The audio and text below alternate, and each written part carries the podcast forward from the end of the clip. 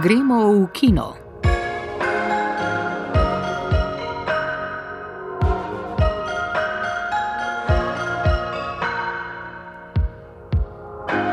Lep pozdrav oddajo filmu. Predstavili bomo pomladno izdajo Sarajevskega filmskega festivala, ki je povezala regionalne festivale. Najprej pa pregled spletne kinematografske ponudbe, kjer si lahko v teh dneh ogledate ruski igrani film Dragi tovariši ter dokumentarec o švedski podnebni aktivistki Greti Thunberg.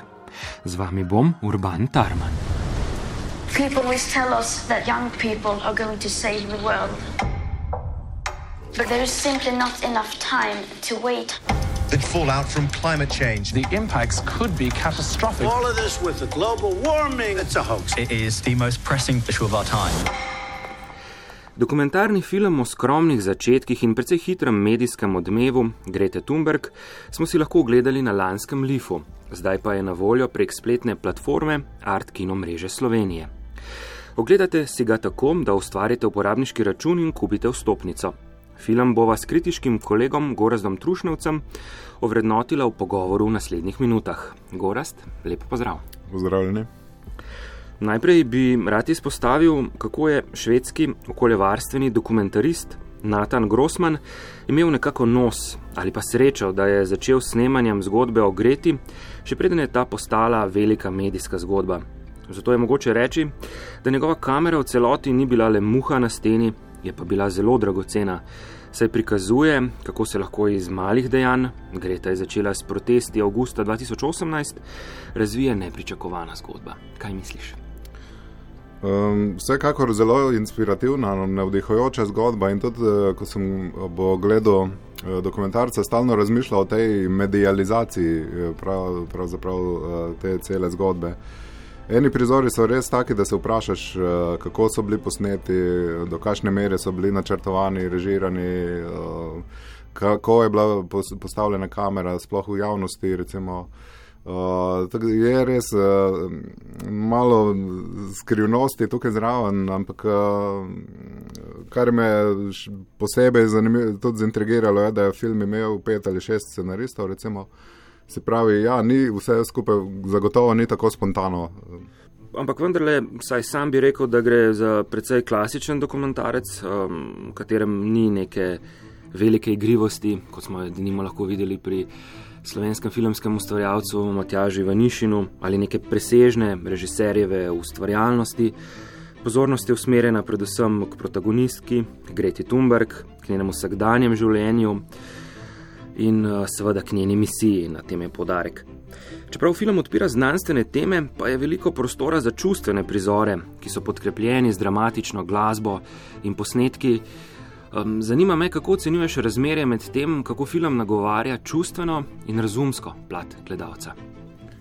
Zdaj, če smo bili pri sami tehniki, mogoče malo uh, skeptični ali pa cinični, bi rekel, da je uh, tem, na tej ravni uh, med čustvenim in razumskim filmom izredno uh, dobro uravnotežen. Uh, njegova, njegov cilj ali pa vidi se ta ideja zadaj, da, da pokaže Greta kot eno razumno in občutljivo mlado žensko, da pokaže človeka za, te, tom, uh, za to njeno misijo. In uh, mislim, da je v tem uh, vsi ti tehnični elementi, ki, o katerih smo prej govorili, uh, delujejo v celoto prid tej tezi, da, uh, da je Greta eno iskreno bitje, uh, ki deluje iz čistih namenov, uh, mogoče zato tudi izstopa v tem našem času, ciničnem, uh, ko prevladuje ta tviteraška, kratka koncentracija hitrih mnen. Uh, in uh, tu po, pokaže film, dokumentarni, pokaže kompleksnost teh ljudi in pre, predvsem pa seveda same grete. Kako bi morda pokomentiral njeno vlogo, bi lahko do neke mere rekli, da je na vseh teh um, visokih političnih srečanjih Združenih narodov, um, Evropske komisije, Evropskega parlamenta um, in tudi v Davosu je bila zastopana nekako do neke mere tudi vlogo dvornega norčka. Dopustijo ji, da govori uh, resnico, poslušajo jo visoki politični predstavniki hkrati pa um, njene besede še niso naletele na, um, niso povzročile dejanskih um, dejanj. ali pa smo morda preveč neučakani, um, da take velike korenitne spremembe se ne zgodijo v nekaj letih. Tu se mi zdi prelomen trenutek, eh, tam približno na sredini filma, ko ona sama ugotovi, v bistvu, da so zadeve eh, zagotovo šle iz rok, da je, eh, da je na nek način postala instrumentalizirana, da jo tudi zlorabljajo in da je cela ta v bistvu, njena čistost te misije celo pod vprašanjem. Uh, ko se z, v bistvu boji, da je postala karikatura same sebe. Ne? In to so ene take uh, resnično težke in uh, misli zrelega človeka, da ugotovi dejansko uh, to pozicijo. In, to se mi zdi res vrhunsko, vr, vrhunski dosežek tega dokumentarca, da pr, prikaže vse te dileme, tudi njene, na en tak zelo občutljiv in inteligenten način. -huh. Greta je postala simbol, pa tudi spodbuda za številne akcije, proteste po vsem svetu, tudi pri nas, da nimo za petke za prihodnost. Zdaj pa se zdi, um, kot da je epidemija že dobro leto ali še več okoljevarstvene teme potisnila v ozadje. Čeprav je v resnici neposredno povezana uh, s poseganjem človeka v naravo, s krčenjem življenjskega prostora za živali. Zato me zanima, Gorast Trušnovec, katere filme, dokumentarce bi morda na tem mestu priporočil gledalcem in gledalkam, ki jih posebej zanimajo okoljevarstvene teme. Ja, gotovo nas bodo klimatske spremembe še dolgo spremljale, ali pa še celo še vedno večji uh, intenzivnosti. Tako da bi rekel, Gretina misija je tukaj velika v tem, da uh, je sprožila en val tudi te ozaveščenosti. Uh, In uh, tukaj se seveda v času, ki ga živimo, veliko dela opravljajo tudi dokumentarci. In uh, mogoče bi kar na prvem mestu izpostavil televizijo Slovenijo, ki ima skoraj vsak uh, teden, oziroma vsak torek, uh, kakšen dokumentarec na to temo. Uh, sicer pa bi mogoče izpostavil klasiko Ala Gora, neprijetna resnica izpred 15 let, ki še zmeraj uh, večinoma drži njegove teze o globalnem segrevanju. Od novejših dokumentarcev bi pa mogoče priporočil Netflixov dokumentarc Davida Attenborougha Življenje na našem planetu, ki na nek spet, spet zelo inteligenten in samo svoj način prikazuje spremembe, ki jih je že on sam v času svojega življenja bil priča in ki se v bistvu tičejo vseh nas. Hvala, Gorast, za tvoje razmišljanje in predloge, pa naj bo to najno nedvomno priporočilo, ko gledam filma Greta prek Artkino mreže Slovenije in naj bo tudi ta pogovor najem prispevek k petkom za prihodnost. Hvala za povabilo. نمیفهمی این الان تو چه وضعیتیه؟ بس قص نیست که آخه بس حواس پرتی تو سر به هوایی خیلی خوب گفتم دیگه اعصابم منزه کافی خورد کرد Poslušate oddajo Gremo v kino, ki jo nadaljujemo s filmom, ki prav tako govori o možnosti upora posameznika proti obstoječemu stanju v družbi. In smo si ga minuli teden lahko ogledali prek spletne strani Cankrevega doma v Ljubljani. Iranski filmar Mohamed Rasulov je posnel film Zlo ne obstaja in v njem združil štiri zgodbe na temo smrtne kazni in možnosti ugovora vesti pri njenem izvrševanju v Iranu. Film je lani Rasulofu prinesel glavno nagrado na Berlinalu, podelitve pa se režiser ni smel udeležiti, saj mu je iranska vlada prepovedala izhod iz domovine. Film Zlo ne obstaja si je ogledala Gaja Pešel. Med filmi, ki so na lanskem Ljubljanskem filmskem festivalu poželi največ zanimanja, je bil tudi Zlo ne obstaja režiserja Mohameda Rasulova, strastnega upornika in nekoga, ki na novo izprašuje iransko družbeno ureditev.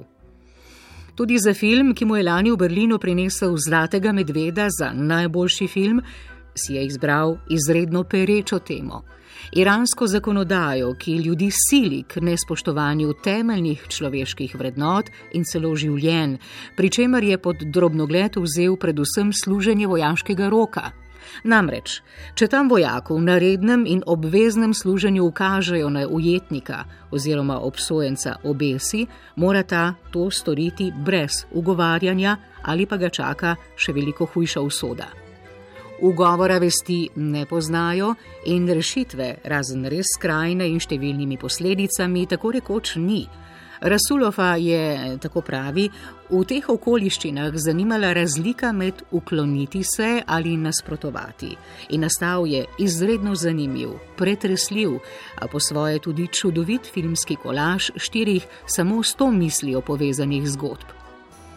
Vsi štirje protagonisti filma, družinski oče Hašmat, dva vojaka, Puja in Džavat, ter v družbeno usamo umaknjeni zdravnik Bahram, so se v neki točki morali odločiti, ali se bodo uklonili oblasti ali lastni vesti, in ta odločitev zdaj kroji njihova življenja. Gledalcu pa zastavlja večno vprašanje, kaj je zlo. Je zlo, če topel in ljubeč družinski oče v službi pritiska na gumb, s katerim izvršuje smrtno kazen. Je zlo, po vojaškem ukazu nadrejenih, spodmakniti stol obsojencu.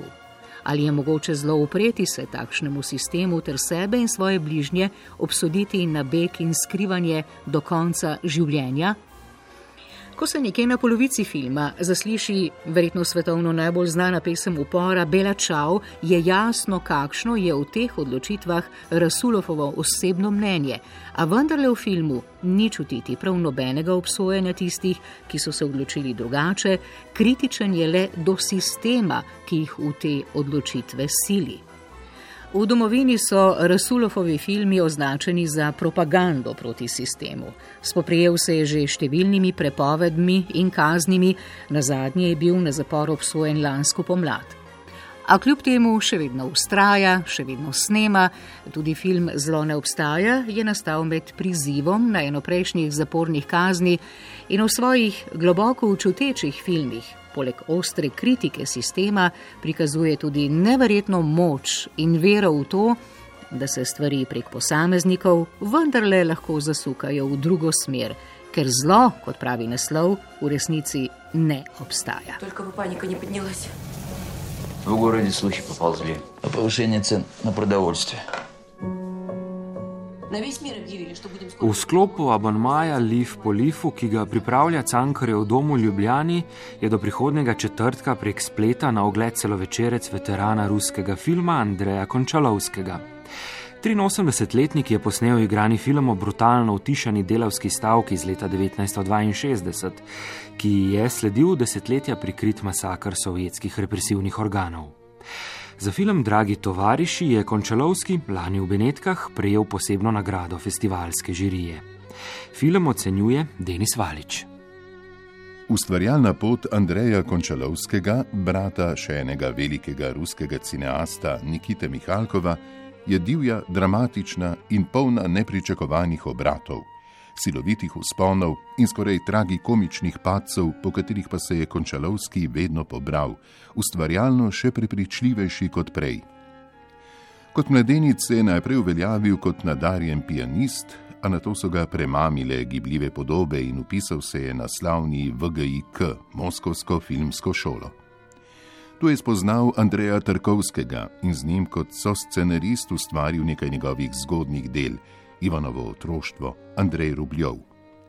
Kmalo pa se je tudi sam lotil režije in v nekaj letih je posnel nekatera izmed najsjajnejših del takratnega sovjetskega filma. Od prvenca Prvi učitelj prek plemiškega gnezda, sjajne priredbe Turgenjeva, pa do Siberijade, presunljivega pogleda v življenje sredi sibirskih prostranstv. A Končalovski se je v tedajni Sovjetski zvezi ustvarjalno počutil vse bolj utesnjenega zato se je podal na zahod, natančneje v Hollywood, kjer naj bi njegova ustvarjalnost znova svobodno zadihala. Sledili so Marijini ljubimci in sjajni ponoreli vlak, izdelka, ki sta bila temeljno drugačna od njegovih predhodnih del, a zato prav nič manj prodorna in prepričljiva. Toda kmalo zatem so se začela vrstiti tudi drugačna dela, filmi kot naprimer akcijska komedija Tango in Cash s Stalonejem in Krtom Raslom, v katerih je bilo Končalovskega komaj še prepoznati. In tako se je Končalovski, bežeč pred diktaturo producentov, kmalo vrnil v domovino.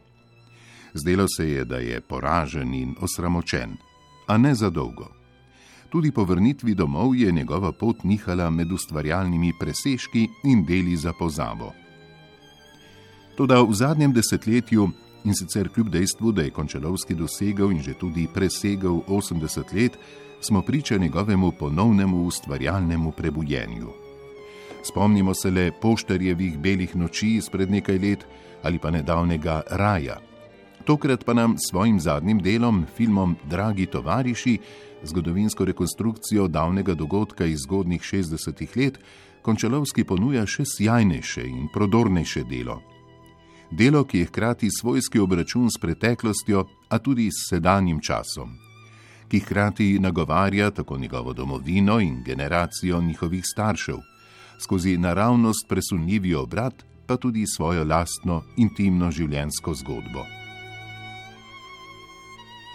Gledalca bo že na začetku te zgodovinske rekonstrukcije pokola delavcev v Novočerkasku, ki se je zgodil leta 1962, presenetila skoraj v popolni kvadrat ujeta črno-bela podoba, kakršne v filmu že dolgo nismo videli. A gre za značilno fotografijo sovjetskega filma iz 60-ih let, katerega duha delo Končalovskega tudi sicer evocira. Sprva se nam morda še zdi, da sledimo svojskemu pogledu v tedajni sovjetski vsakdan, kakršnega so nam ponujali številni režiserji tistega časa. A kmalo zgodba o delovskem uporu in oblastnem odzivu na nj, ki jo spremljamo preko komisarke Ljude, njenih kolegov in njene družine, dobi povsem drugačno dimenzijo. Toda v nasprotju s pričakovanji se končalovske rekonstrukcije tega dolga desetletja zamovčanega in prikrivanega pokola delavcev ne loti z izhodiščno idejo brezkompromisne obsodbe tistih, ki so ga zakrivili. Njegovo delo je presenetljivo očiščeno moraliziranja in obsojanja, zato pa toliko bolj presunljivo v svoji brezpogojni analizi duha pravovercev, tistih, ki so tako iskreno verjeli v komunistične ideale, da niso bili več sposobni videti resničnega življenja pred sabo. Toda prav na tej točki Končalovski naredi tudi popolni obrat. Lepota dragih tovarišev je namreč v tem, da avtor te pravoverce tako univerzalno predstavi, da so osvobojeni ujetosti v konkretni prostor in čas. Da skozi njihove like razmišlja tudi o aktualnih razmerah ne na zadnje pa tudi o sebi in svojih odločitvah.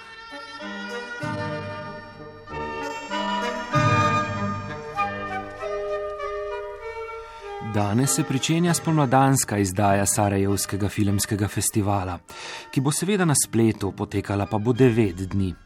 Filmi bodo dostopni gledalcem in gledalkam v Bosni in Hercegovini, Hrvaški, Srbiji, Črnigori, Severni Makedoniji, sedem od devetih filmov pa si bomo lahko ogledali tudi v Sloveniji. Med njimi je tudi Punčka, zmagovalni film 23. festivala dokumentarnega filma, ki se je pri nas zaključil konec marca. Tina Poglajen. Spomladanska izdaja Sarajevskega filmskega festivala prinaša izbor filmov zadnjih izdaj velikih filmskih festivalov v Kanu, Berlinu in Benetkah, pa tudi dve restaurirani jugoslovanski klasiki. Film Pavle Pavlović, režiserja Mladomirja Puriše Đorđeviča, zgodba o mladem delavcu, ki spregovori o težavah tovarne, kjer dela in izgubi vse prijatelje, v drugem podjetju pa se odloči obdržati prijatelje, a naleti na druge težave. Film je kritičen do okolja, prežetega s korupcijo in zlorabo samoupravnih sloganov. Potem, ko ga je Puriša Đorđevič leta 1975 dokončal, so ga najprej prepovedali, na to pa mu vendarle dovolili predvajanje v kinematografih v Jugoslaviji, a s pripisom na koncu filma: Mnoge težave v tem filmu so rešila dejanja Zveze komunistov. Film Von po polskem cvetju Srđana Karanoviča, ki je druga jugoslovanska klasika na programu, je nastal tri leta pozneje. Slavni gledališki in filmski igralec ni zadovoljen ne doma, ne v službi, zato zapusti mesto in pobegne na Donavo k staremu prijatelju Ladjarju. Kmalo se mu pridružijo družina, prijatelji in sodelavci, ki jih privlačita upor in občutek svobode. Pripoved pa menja žanre od kriminalke do ljubezenske drame. Punčka je dokumentarni film o osemletni Saši, ki se je rodila v fantovskem telesu. Čeprav jo starši brezpogojno podpirajo, stvari niso preproste. Med vrstniki, v šoli in na plesnih vajah je deležna takšnega in drugačnega nasilja. Sebastian Livšic je v pogovoru za Berlinale takole opisal dileme pri snemanju dokumentarnega filma. Well, my focus was to be very close to reality, uh, the most I could, you know, yeah. and really to be very.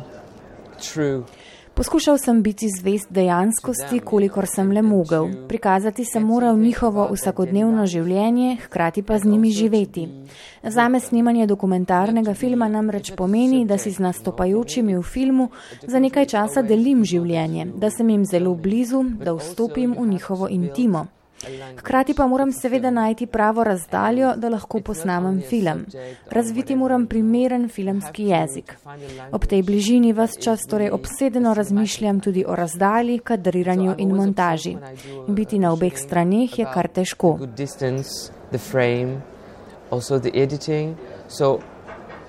So it's a bit tricky, but you have to be on both sides uh, every time. Mladi ruski režiser Filip Jurjev je posnel igrani film Kitolovec o 15-letnem Ljuški, ki živi na Čukotki v samotni vasici ob Beringovem prelivu. Kot večina tamkajšnjih moških se ukvarja s kitolovstvom, vsaj dokler tudi v Čukotko ne prispe internet. Ta spremeni vse. Ljuška na spletu spozna dekle, ki se snema s spletno kamero in se zaljubi v njeno zabrisano podobo. Da bi jo našel, se ukrca na svoj majhni ribiški čovnič in se poda skozi ledeno mrzle vode Beringovega preliva do neznane dežele, odkudar naj bi ona prihajala. Filip Jurjev. TV dokumentarij o Lorina, to je village in Čukotka. Uh, Gledal sem televizijski dokumentarec o Lorinu, to je vasica na Čukotki, kjer se film dogaja. Vedel sem, da moram tam nekaj posneti. Ta kraj je tako fantastičen. Vendar me ni zanimal etnografski film o avtohtonih prebivalcih in njihovem lovstvu. Potem pa sem naletel na zgodbo o moškem, ki se je zaljubil v eno izmed žensk, ki pozirajo za spletne kamere in ugotovil, da je Čukotka zato ravno pravšnji kraj. Internet je tja prišel šele pred kratkim. Za otroke in najstnike je bil to zelo pomemben dogodek, morda celo najpomembnejši v njihovem življenju. Fantje so lahko gledali dekleta, ki živijo daleč stran in za nje te niso bile le nekaj nepomembnega na spletu, temveč resnična ljubezen. Vsi vemo, kako je biti mlad, osamljen, kako težko si je izboriti mesto zase, kako se je prvič zaljubiti. Vsi razumemo, zakaj v filmu gre all that feelings of um, first love. It it like connects everybody, and I think that's why you can understand this character because like we all understand about what the film is. Na spomladanski izdaji Sarajevskega filmskega festivala si bomo do 17. aprila v Sloveniji lahko ogledali še slovaški politični thriller Služabniki, ki prikazuje pranje možganov študentom, ki morajo v času češko-slovaške komunistične vlade sodelovati z režimom, če se hočejo izogniti strogemu nadzoru obveščevalne službe.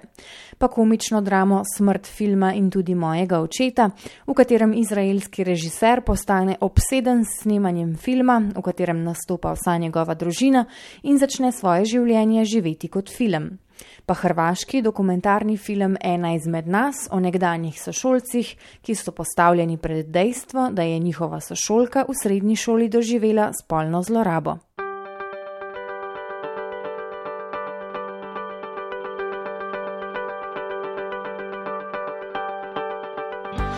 Soboto in nedeljo bo v Londonu potekala podelitev britanskih filmskih nagrad BAFTA. Po številu nominacij vodita Dežela nomadov in film Rocks, med drugim pa izstopa podatek, da je od 24 igralskih nominirancev in nominirank 16 pripadnikov etničnih manjšin. Preden se od vas poslovimo, še ena novica iz sveta filma. Celovečerni igrani film San Remo, scenarista in režiserja Miroslava Mandiča, se je uvrstil v glavni tekmovalni program 47. filmskega festivala v Seattlu, ki poteka do 18. aprila. Mandičev film San Remo se je prav tako uvrstil v tekmovalni program filmov iz srednje in vzhodne Evrope v Clevelandu.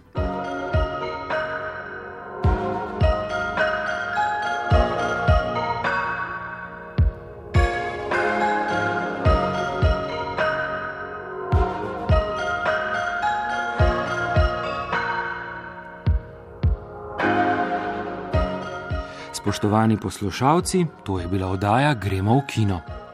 Brala sta napovedovalca Lidija Hartmann in Ivan Lotrič. Glasbeno opremo je izbrala Tina Ogrin, oddajo sem uredil Urban Tarman, tonski mojster Gašper Loborec.